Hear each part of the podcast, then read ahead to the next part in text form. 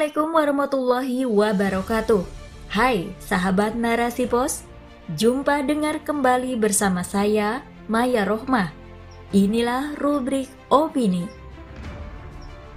Mampukah nama Turkiye mewakili peradaban Islam oleh Erdara Swati?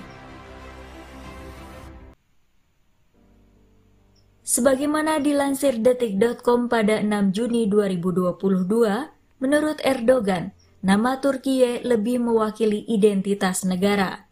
Ia berpandangan, perubahan nama menjadi Turkiye bisa menjadi perwakilan peradaban, budaya, ekspresi, dan nilai-nilai negeri. Peradaban seperti apa yang dimaksud? Dunia tahu, Turki telah mewarisi sejarah dari peradaban Islam di Arab dan Persia. Semua itu bisa kita lihat hingga sekarang. Hagia Sophia adalah salah satu contoh nyata bahwa peradaban Islam pernah mengubah sebuah gereja di masa Bizantium menjadi masjid pada masa Turki Utsmani.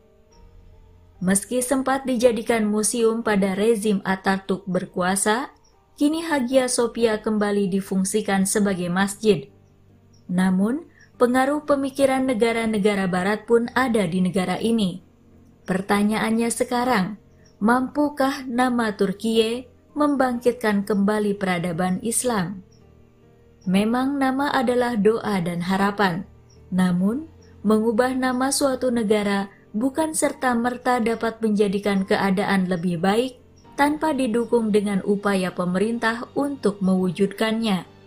Terlebih, ada sebuah artikel yang menyebutkan bahwa kata Turkiye pada pencarian di Google muncul berbagai arti Salah satu artinya adalah ayam kalkun yang biasa menjadi hidangan makan perayaan Natal di Amerika Serikat. Bahkan ada jaringan televisi yang mengatakan Turkiye dalam kamus Cambridge berarti sesuatu yang mengalami jatuh parah atau seseorang yang bodoh. Sangat disayangkan jika ternyata nama negara memiliki arti yang demikian. Ini sama halnya memberi doa pada negara mengalami kemunduran, bahkan jatuh parah.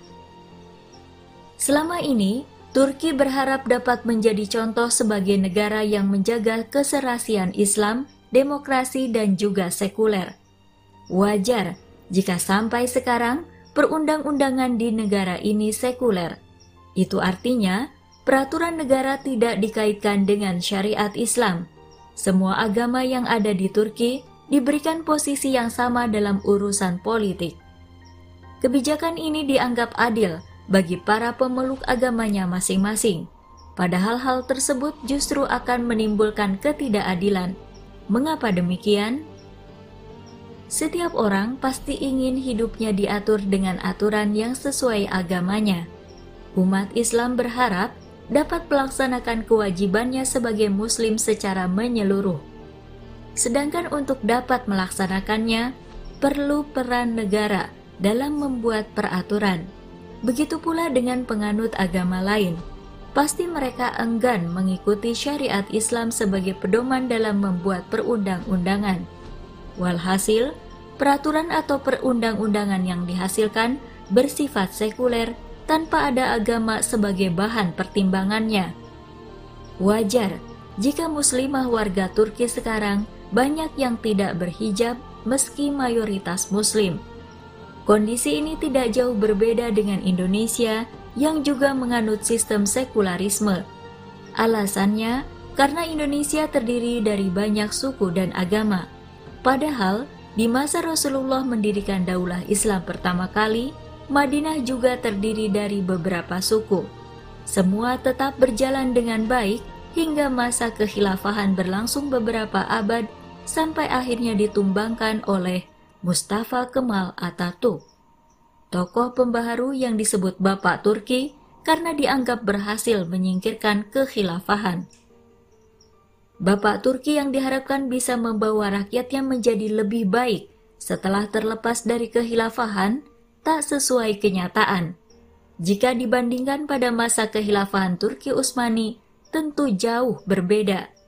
Di masa itu, terbangun peradaban Islam dengan wilayah yang semakin luas. Kehilafahan Turki Utsmani yang lebih fokus pada perluasan wilayah inilah yang membuat hal penting penunjang keberlangsungan peradaban terlupakan. Membina dan menjaga pemikiran serta perilaku masyarakat dengan Islam kurang diperhatikan. Warga negara-negara yang baru ditaklukkan kurang mendapat perhatian dengan pemikiran Islam. Demikian besar pengaruh pemikiran hingga dapat mempengaruhi perilaku seseorang. Bahkan, Rasulullah sendiri pernah terpengaruh perkataan kaum musyrik. Sebagaimana Imam Muslim telah meriwayatkan dari Sya'ad, ia berkata, kami pernah bersama Nabi Shallallahu Alaihi Wasallam. Jumlah kami ada enam orang. Kemudian kaum musyrik berkata kepada Nabi, usirlah mereka itu agar tidak lancang kepada kami. Saat berkata, sahabat Rasul saat itu adalah aku, Ibnu Mas'ud, seorang lelaki dari Huzail, Bilal, dan dua orang lelaki yang tidak aku kenal namanya. Kemudian perkataan kaum musyrik itu memengaruhi Nabi, sehingga beliau berbicara di dalam batinnya. Kemudian turun firman Allah Quran Surat Al-An'am ayat 52 tentang larangan mengusir orang-orang yang menyeru Tuhannya di pagi dan petang hari, sedang mereka menghendaki keridoannya betapa besarnya pengaruh pemikiran terhadap peradaban suatu bangsa, maka memahamkan umat terhadap sakofa Islam jauh lebih penting daripada mengubah nama negara. Memahamkan umat dengan akliyah atau pola pikir Islam, kemudian membinanya agar dapat memiliki nafsiyah atau pola sikap Islam, adalah hal yang utama dalam membentuk saksiyah atau kepribadian Islam. Jika saksiah atau kepribadian Islam telah terbentuk pada masyarakat, maka secara otomatis juga menginginkan penerapan Islam di segala aspek kehidupan. Menerapkan Islam di segala aspek kehidupan berarti menjadikan Islam sebagai landasan dalam membuat perundang-undangan suatu negara. Dengan kata lain, hanya negara yang mampu menjamin diterapkannya syariat Islam secara menyeluruh saat itulah umat memiliki kekayaan sakofa Islam dan terhindar dari pemikiran barat yang menyesatkan. Jadi, tak cukup mengubah nama, tapi harus disertai upaya memahamkan umat dengan sakofa Islam. Wallahu a'lam bishawab. Sahabat narasi pos, demikian rubrik opini kali ini. Sampai jumpa di episode berikutnya. Saya Maya Rohmah undur diri. Wassalamualaikum warahmatullahi wabarakatuh.